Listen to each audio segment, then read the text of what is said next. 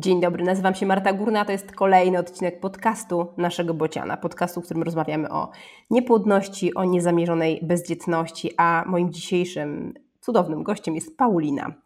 Dzień dobry, Paulina. Cześć, witajcie.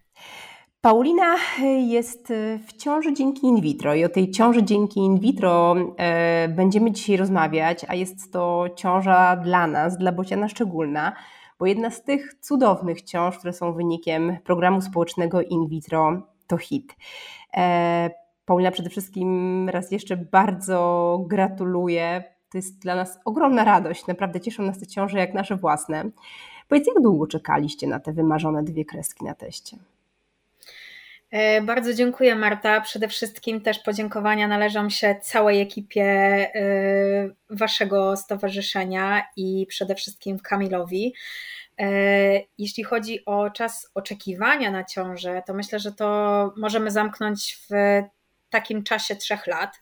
Wiadomo, na początku to wygląda zupełnie inaczej, bo my, pary, które się staramy dość długo, to zwykle te początki są takim staraniem na luzie, nie liczymy tych cykli, no a później zaczęły się schody, zaczęła się diagnostyka, jeżdżenie po lekarzach, więc ogólnie można przyjąć, że były to trzy lata. Mhm. A długo po tych y, początkach, zupełnie niewinnych i nie zapowiadających niczego złego, usłyszeliście diagnozę?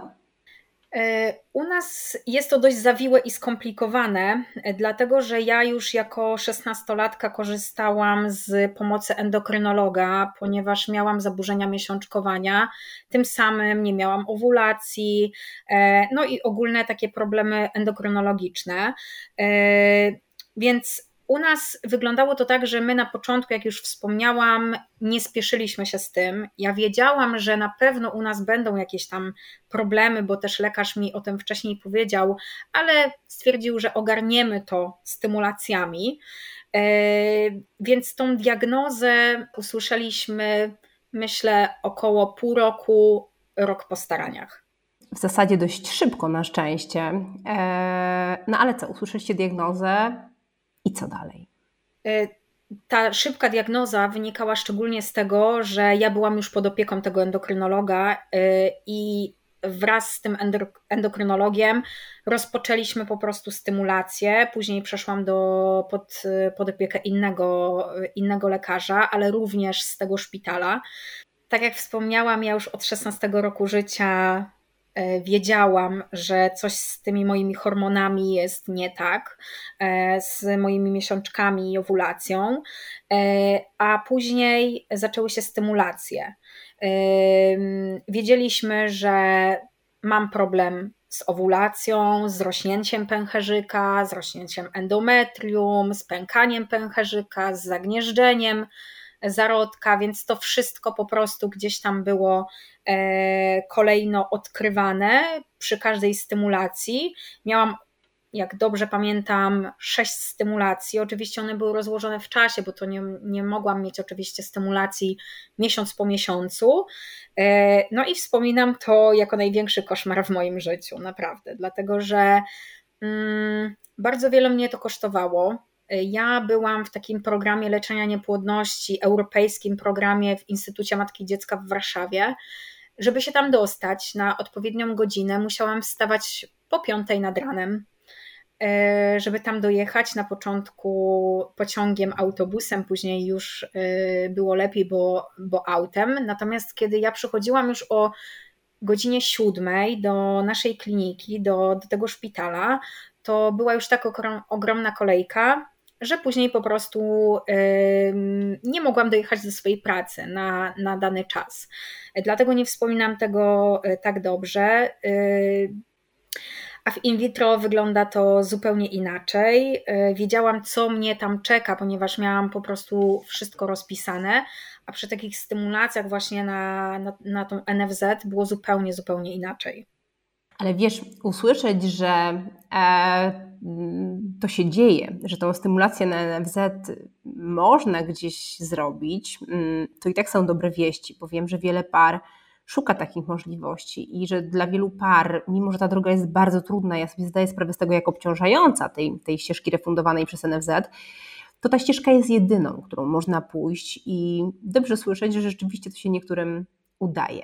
No dobra, ale rozumiem, że in vitro pierwsze zrobiliście w ramach hitu. Tak, to była mhm. nasza w ogóle pierwsza procedura, choć za nami są już dwa transfery. A skąd dowiedzieliście się o programie? To był zupełny przypadek, e, dość e, zawiły przypadek, dlatego że mój brat zobaczył jakiś wpis na Twitterze e, Kamila, bezczelnego lewaka, i podesłał mi po prostu go tak informacyjnie. Ja zaczęłam scrollować Twittera bezczelnego lewaka, no i zobaczyłam informację o programie. Choć wtedy my jeszcze nie byliśmy tak gotowi na in vitro, dlatego że w ogóle w naszych głowach dopiero kiełkował ten pomysł i ja byłam okropnie zmęczona tamtymi stymulacjami na NFZ, byłam zmęczona nimi psychicznie, masę przyjmowanych leków, e, cały czas dostawałam wiadomości, że się nie udało. E, poza tym my też nie mieliśmy odłożonych wszystkich funduszy na leczenie, więc takie dofinansowanie, choć jest to w jakimś sensie kropla w morzu potrzeb, to naprawdę bardzo, bardzo nam pomogło. E, czyli rozumiem, że naszego bociana wcześniej nie znaliście. Nie, nie znaliśmy. Ja korzystałam ogólnie z takich grup facebookowych, jeśli chodzi o niepłodność, ewentualnie profile dietetyków związanych z PCOS, które mam, ale naszego bociana nie znaliśmy. A powiedz mi, czy przy tych mm, waszych staraniach, jeszcze przed programem, przed In vitro to hit, czy czuliście wsparcie? Czy mieliście taką świadomość, że macie z kim o tym pogadać, że to jest temat, który możecie poruszyć wśród przyjaciół, rodziny? E, czy te grupy wsparcia były właściwie jedyną taką, taką bezpieczną ostoją? No właśnie, Marta, dzisiaj chciałam z Tobą poruszyć ten temat, e, bo jest on bardzo mocno związany z tabu, e, o którym wręcz chcę krzyczeć po prostu. A wydaje mi się, że ta, to tabu i ta niepłodność e, dzielą się na takie dwie gałęzie. Ja to znam z autopsji. Na początku bardzo się tego wstydziłam. Moja rodzina nic nie wiedziała. Jak miałam powiedzieć po prostu komuś, że mam problem z poczęciem dziecka, to było mi wstyd. Po prostu było mi wstyd. Ale po dwóch latach już się z tym nie kryłam. Moja rodzina wiedziała, e, że mam problem, bo problem był stricte po mojej stronie, nie był to czynnik męski, więc tym bardziej czułam też na sobie odpowiedzialność za, tą, za to wszystko.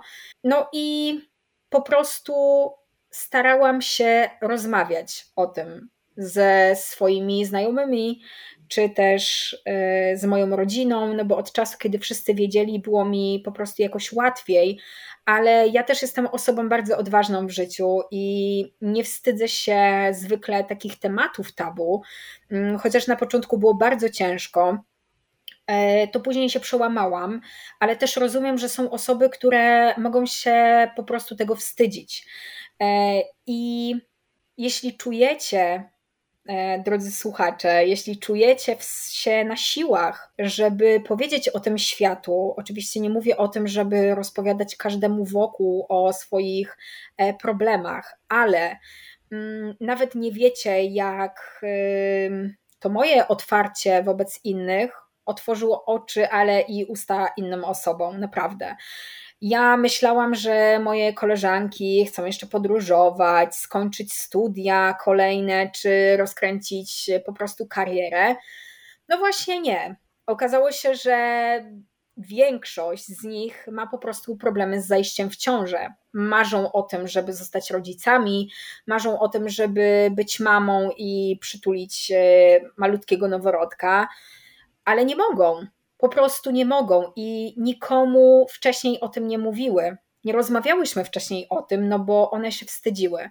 Dopiero jak ja zaczęłam temat y, tego, że zmagamy się z niepłodnością, to właśnie im otworzyły się też usta, zaczęły po prostu o tym mówić. Powiem Wam, że mam takie małe marzenie, żeby kiedyś zrealizować taką kampanię społeczną na temat właśnie tabu o niepłodności. Natomiast e, druga strona medalu i taka druga kwestia, która mm, jest poruszana w trakcie tych wszystkich starań, to są e, słowa wypowiedziane z ust naszych e, bliskich czy właśnie znajomych, którzy nie zdają sobie sprawy, z czym się mierzymy. I nie ma naprawdę nic gorszego, uwierzcie mi, niż pytanie do pary, która, która zmaga się z tym wszystkim, to kiedy dzidzia. Bo w głowie tylko myślisz, no chcę, ale nie mogę. I na przykład dla mnie e, najgorsze były święta, urodziny, jakieś spotkania rodzinne, kiedy e, jeszcze ktoś nie wiedział o naszym problemie, mm, a cały czas tylko słyszałam: No, życzę wam dzieciątka. Super, no tylko jak? Co mam zrobić? Już po prostu daję z siebie wszystko i nic z tego. I czuję się naprawdę gorzej, czuję się, można powiedzieć, bezwartościowa. I ja wiem, że te osoby nie miały nic złego na myśli. Naprawdę zdaję sobie z tego sprawę. Tylko ja później przepłakałam całą noc. To, co chcę Wam powiedzieć, to to, że każda osoba z jakąś najlepszą skorupą po prostu może w końcu pęknąć. I choć ja starałam się oswajać z tym tematem siebie i wszystkich wokół, no to i tak było ciężko. E, ale najgorsze z tego wszystkiego są e, pytanie starszego, pytania starszego pokolenia w stylu nie wiecie jak to się robi, po prostu wypowiedziane w żarciku, no ale myślę, że to pokolenie e, właśnie naszych wujków, babć, dziadków w ogóle nie słyszało o czymś takim jak problem z poczęciem dziecka z po prostu niepłodnością. Więc oni po prostu nie wiedzą, z czym się zmagamy, no bo skąd mają wiedzieć? E, dlatego chcę też uczulić wszystkich wokół e, o tym, że jest to ciężkie dla nas, dla par, które zmagają się z niepłodnością. I aby tych świeżo upieczonych małżeństw, par z jakimkolwiek stażem, nie pytać cały czas przy każdej możliwej okazji, kiedy to dziecko.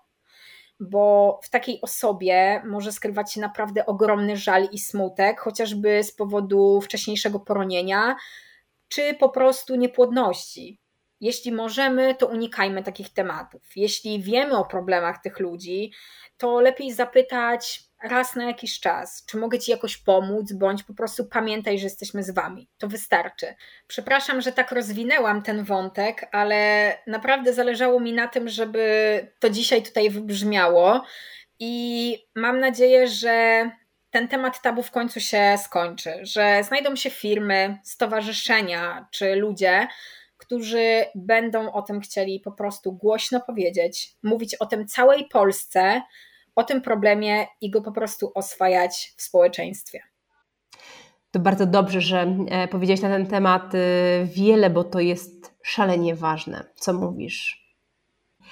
E, Paulina, pamiętasz ten dzień, kiedy wypełniliście formularz zgłoszeniowy? Oczywiście, że go pamiętam. Pamiętam ten dzień jak dziś, e, dlatego że wcale nie sądziłam, że w ogóle coś z tego będzie, że się uda. Nie przespałam w ogóle tej poprzedniej nocy przed zgłoszeniami. Ciągle się budziłam, myślałam o tym programie, bo wydaje mi się, że gdzieś tam zobaczyłam światło nadziei. Po prostu zobaczyłam być może ten koniec. I wstałam e, dosyć wcześnie tego dnia i uwaga, rozłożyłam na biurku trzy laptopy. Naprawdę. E, na tych trzech laptopach miałam włączoną e, waszą stronę. Na wypadek, gdyby oczywiście jakiś się zaciął, no to miałam jakiś backup. I gdy wybiła godzina ósma, to po prostu od razu wybiłam zgłoszenie no po prostu y, towarzyszyły mi takie emocje jak przy zapisywaniu na ćwiczenia podczas studiów w USOSie. e, no ale nie sądziłam, że się dostaniemy, dlatego że po prostu my zawsze w życiu gdzieś tam mamy pod górkę, zawsze do wszystkiego musieliśmy dochodzić bardzo ciężką pracą. No ale nagle zadzwonił telefon. No właśnie, i to był Kamil. Tak, to był Kamil, ale dowiedziałam się właśnie o tym przed chwilą od ciebie, że był to Kamil. E, pamiętam to też jak dziś, dlatego że takich chwil się po prostu nie zapomina. E, wsiadałam wtedy do auta i byłam w biegu. E, zadzwonił nagle do mnie telefon. I gdy powiedział, zakwalifikowaliście się, to ja nie powiedziałam nic. Naprawdę.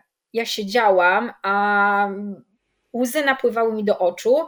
No i tak milczeliśmy sobie w tą chwilę z Kamilem, e, wcale w ogóle nie pytając siebie, czy, czy się słyszymy, czy to połączenie zostało stracone. E, chyba ta, ta chwila ciszy była wymowna, bo po takiej wiadomości. I ja po chwili zaczęłam coś bełkotać, pełna łez, zdziwienia, no ale właśnie i tej nadziei, że być może w końcu się uda. Marta, ty doskonale rozumiesz, jak to boli, kiedy chcesz, a nie możesz zostać mamą. I wtedy właśnie czułam, że być może zaraz spełni się po prostu moje największe marzenie. A emocje były tak nieziemskie, że chyba jeszcze dwa razy dzwoniłam do Kamila i pytałam, jak się nazywa nasza klinika. Okej, okay, a jak już ustaliłaś, jak się nazywa wasza klinika, e, to powiedz, to wszystko poszło w miarę szybko. Udało Wam się e, zorganizować tą wizytę kwalifikacyjną w jakimś krótkim czasie. Jak to wyglądało? Powiem szczerze, że ja nie pamiętam tego. Naprawdę. Nie pamiętam dlatego, że to działo się tak szybko, że ja nie wiedziałam, kiedy co się dzieje. Ja poszłam na wizytę, usłyszałam, że jesteśmy zakwalifikowani, badania, rachciach i byłam już stymulowana do punkcji. Więc jeśli ktoś nie jest przygotowany na to, że może to się dziać tak szybko, to może się bardzo zdziwić, e, ale wydaje mi się, że było to po prostu spowodowane tym, że ta stymulacja na NFZ bardzo długo trwała. No i ja byłam zszokowana tym, tym szybkim tempem, e, ale oczywiście nie odbieram tego jako coś negatywnego. Mhm. A samo leczenie, jak wspominasz tą procedurę? Bo y, my różnie ją przechodzimy. Dla jednych to jest ogromne, y, ogromne wyzwanie, y, nie tylko emocjonalne, ale też, też, też dla, dla ciała, takie fizyczne. E, inni trochę lepiej przechodzą przez ten proces. Jak było z Wami? Wiedziałam, że moje ciało się zmieni i że tego nie uniknę dlatego że ja podczas stymulacji brałam łącznie ze wszystkimi witaminami i tak dalej ponad 30 tabletek plus zastrzyki. Więc wiedziałam, że nie będę wyglądać tak jak przed stymulacją, i naprawdę tak było, i naprawdę tak jest.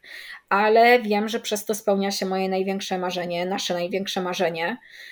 E, natomiast e, całą procedurę wspominam naprawdę pozytywnie. Oczywiście nie licząc tych tabletek, które czasami wprowadzały mnie w stan uśpienia po prostu e, nad biurkiem. Naprawdę. Nieważne, czy byłam e, w tym momencie na jakimś tam ważnym spotkaniu, czy e, jadłam coś po prostu przy stole, nagle jakby ktoś nacisnął mi przycisk wyłącz i ja potrafiłam zasnąć. Ogólnie całą procedurę wspominam bardzo pozytywnie.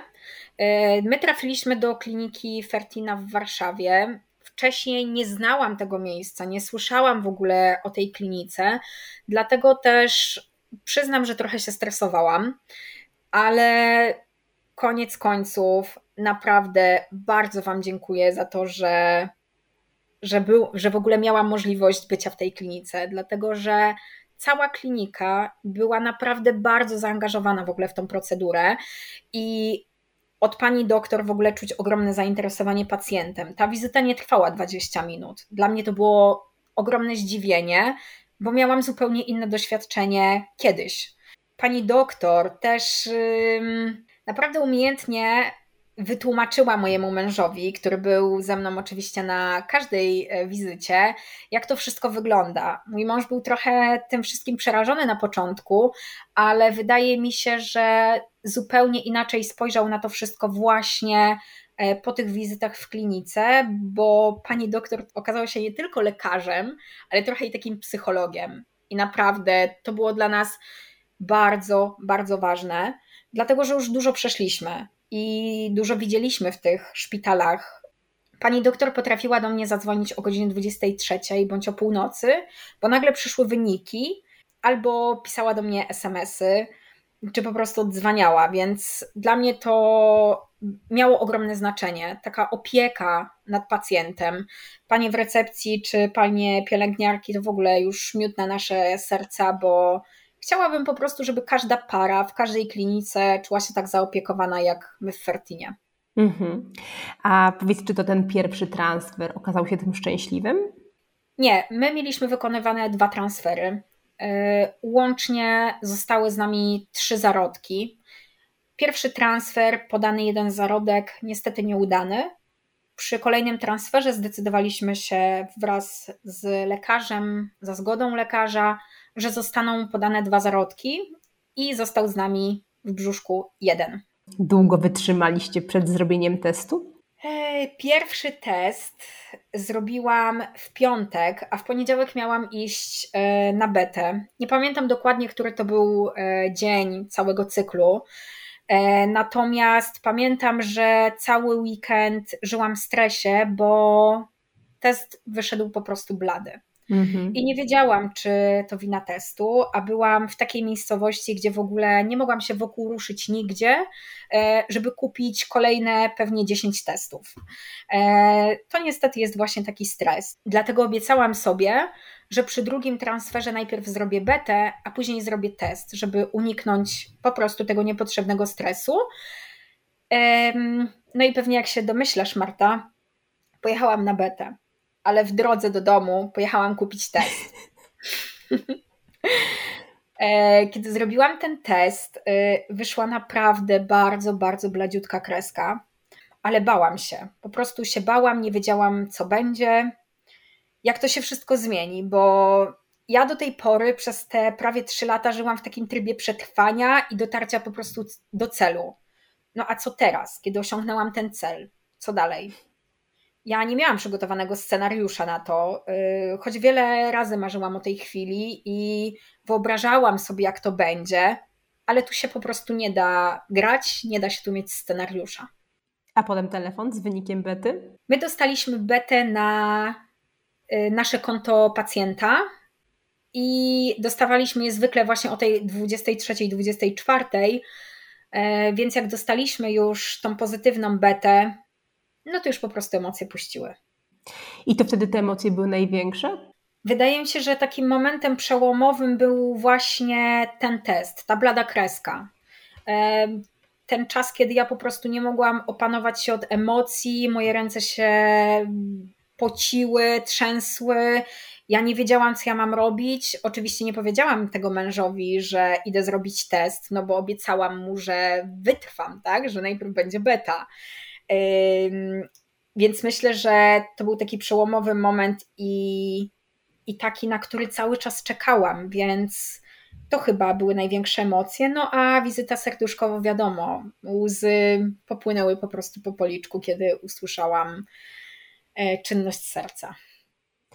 Paulina, jak się e, przeżywa ciążę po leczeniu niepłodności? Czy to jest e, według Ciebie taka ciąża jak ciąże wszystkich Twoich przyjaciółek i koleżanek? Czy, czy wydaje Ci, że to jest trochę inaczej? Jest zupełnie inaczej. Zupełnie. Y, nie jest tak cukierkowo, jak się wszystkim wydaje. E, standardowo moje koleżanki, y, tak jak już zdążyłam z nimi porozmawiać, nie, do, nie doszukują się wiecznych problemów, e, no bo po prostu ich wcześniej nie miały. A my, Mimo, że myślałam, że będzie zupełnie, zupełnie inaczej, że dostanę wynik testu, dostanę, wynik bety, wszystkim nagle zacznę mówić, że jestem w ciąży, że jestem szczęśliwa, że po prostu osiągnęliśmy ten cel, ale tak nie było. Moja rodzina y, dowiedziała się, myślę, tydzień temu o naszej ciąży, y, a ja jestem już w 17 tygodniu. E, to są chwile zwątpień, płaczu, nerwów, niepokoju, o każdy skurcz, o każdy ból. I wydaje mi się, że właśnie przez to, jaką mamy historię, co przeszliśmy, to tak bardzo się po prostu o nią boimy. Więc yy, naprawdę zazdroszczę kobietom, które mogą wytrzymać 4 tygodnie pomiędzy USG u lekarza, ale ja nie daję po prostu rady. Co chciałabyś powiedzieć parom, które są jeszcze po drugiej stronie, które starają się i nie wychodzi, a może rozważają podejście do in vitro, a może zbierają pieniądze na to, żeby to in vitro móc yy, zrobić i wykorzystać szansę, jaką daje ta metoda leczenia? Zawsze każdy mówi, nie poddawajcie się, yy, ale myślę, że my, parę z niepłodnością, mamy też swoje granice. I ja bym Wam chciała dzisiaj powiedzieć, żebyście po prostu byli w tym razem, że zawsze wspólnie dacie radę. czy jest to kwestia pieniędzy, czy po prostu czasu, razem dacie radę. Ostatnio weszłam na jakąś grupę po prostu niepłodnościową i przeczytałam tam naprawdę bardzo przykre wypowiedzi kobiet, które pisały, że ich partnerzy ich nie wspierają, że skoro wina leży po ich stronie, to w sumie to za co oni mają płacić? Za jaką procedurę oni mają płacić? Że nie pójdą oddać nasienia, bo nawet usłyszałam, przeczytałam tekst, bo ja nie jestem maszyną. Albo skoro im się nie udało z pierwszym transferem, no to mogą zakończyć ten związek. To jest naprawdę bardzo przykre i ja apeluję po prostu do każdej pary, zanim podejmiecie tą decyzję o in vitro, przegadajcie wszystkie scenariusze. A do kobiet w szczególności pamiętajcie, że to bardzo nas dotyka, nas jako kobiet, ale waszych partnerów i mężów również. I wiem, że to my jeździmy w większości na wizytę, poświęcamy się, bierzemy masę tabletek, wstrzykujemy sobie y, zastrzyki w udo czy w brzuch, y, mamy masę siniaków, przeżywamy to, bo nasza waga idzie w górę. Ale wasi mężczyźni też to przeżywają i po prostu szanujcie się wzajemnie i wspierajcie w tym wszystkim, bo wsparcie tutaj to jest słowo klucz. Paulina, bardzo Ci dziękuję za tą ciepłą i niezwykle mądrą rozmowę. E, cieszę się niezmiernie, że mieliśmy przyjemność porozmawiać i ściskam kciuki z całych sił za spokojną końcówkę ciąży i same piękne rzeczy już po niej. E, dzięki wielkie raz jeszcze. Bardzo Ci dziękuję, Marta, i bardzo dziękuję też całej ekipie, która przyczyniła się do tych wszystkich stu procedur, i do tych wszystkich ciąż, które już gdzieś tam są. E, I za niedługo te dzidziusie również będą na świecie razem z nami, bo nawet nie wiecie, ile nadziei i radości wlaliście po prostu w nasze serducha. Naprawdę bardzo, bardzo Wam dziękujemy. Dziękuję pięknie. Do usłyszenia. Do usłyszenia. Za możliwość nagrania naszych podcastów dziękujemy naszemu partnerowi, firmie Merck.